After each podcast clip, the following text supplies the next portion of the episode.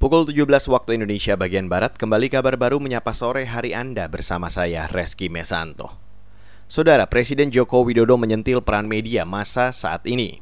Sentilan itu disampaikan Presiden hari ini dalam pidato sidang tahunan MPR, DPR, dan DPD yang dilaksanakan untuk menyambut HUT ke-75 RI.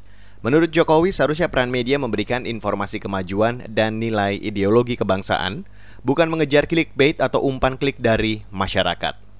Saya ingin semua platform teknologi harus mendukung transformasi kemajuan bangsa. Peran media digital yang saat ini sangat besar harus diarahkan untuk membangun nilai-nilai kemanusiaan dan kebangsaan. Semestinya perilaku media tidak dikendalikan untuk mendulang klik dan menumpuk jumlah like, tapi seharusnya didorong untuk menumpuk kontribusi bagi kemanusiaan dan kepentingan bangsa. Sebelumnya, Jokowi juga pernah meminta media untuk meredam isu miring saat pandemi dan tidak memperkeruh keadaan. Pasalnya, kepanikan dari beredarnya kabar simpang siur malah akan membuat keadaan semakin buruk. Ia meminta agar media bisa bekerja sama dengan pemerintah dalam memberikan kabar. Kita beralih ke informasi selanjutnya, Partai Keadilan Sejahtera atau PKS menilai ada tiga kementerian yang kinerjanya paling tidak efektif selama hampir satu tahun Kabinet Indonesia Maju. Ketua DPP PKS Mardani Alisera menyebut, tiga kementerian itu ialah Kementerian Kesehatan, Kementerian Koperasi dan UMKM, serta Kementerian Pendidikan dan Kebudayaan. Karena itu ia mendorong Presiden Jokowi mereformasi birokrasi dan merombak kabinet dengan mengganti sejumlah menteri yang berkinerja buruk untuk diisi para ahli di bidangnya.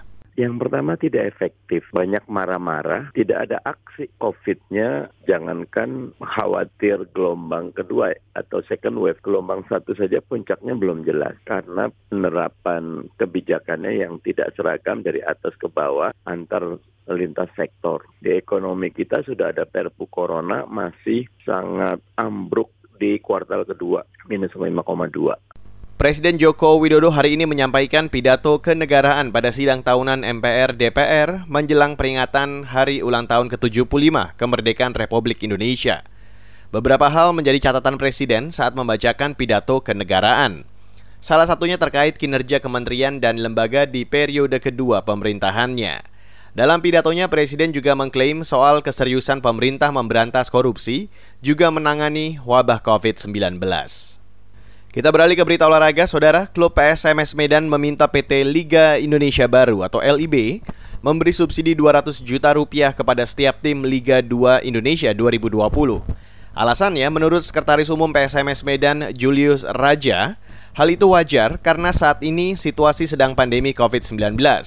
Kata dia, wabah membuat klub-klub kesulitan menggaji pemain, pelatih, dan ofisial. Menurutnya, subsidi 600 juta yang didapatkan selama ini dinilai kurang. Mengutip Antara, pada 6 Agustus lalu PT LIB memutuskan memberi setiap tim di Liga 2 Indonesia subsidi 600 juta rupiah dalam 4 termin sampai Desember 2020. Namun kata Julius, jumlah subsidi itu belum resmi, lantaran ada yang masih keberatan. Liga 2 Indonesia musim 2020 akan bergulir pada 17 Oktober hingga 5 Desember. Demikian kabar baru KBR saya Reski Mesanto.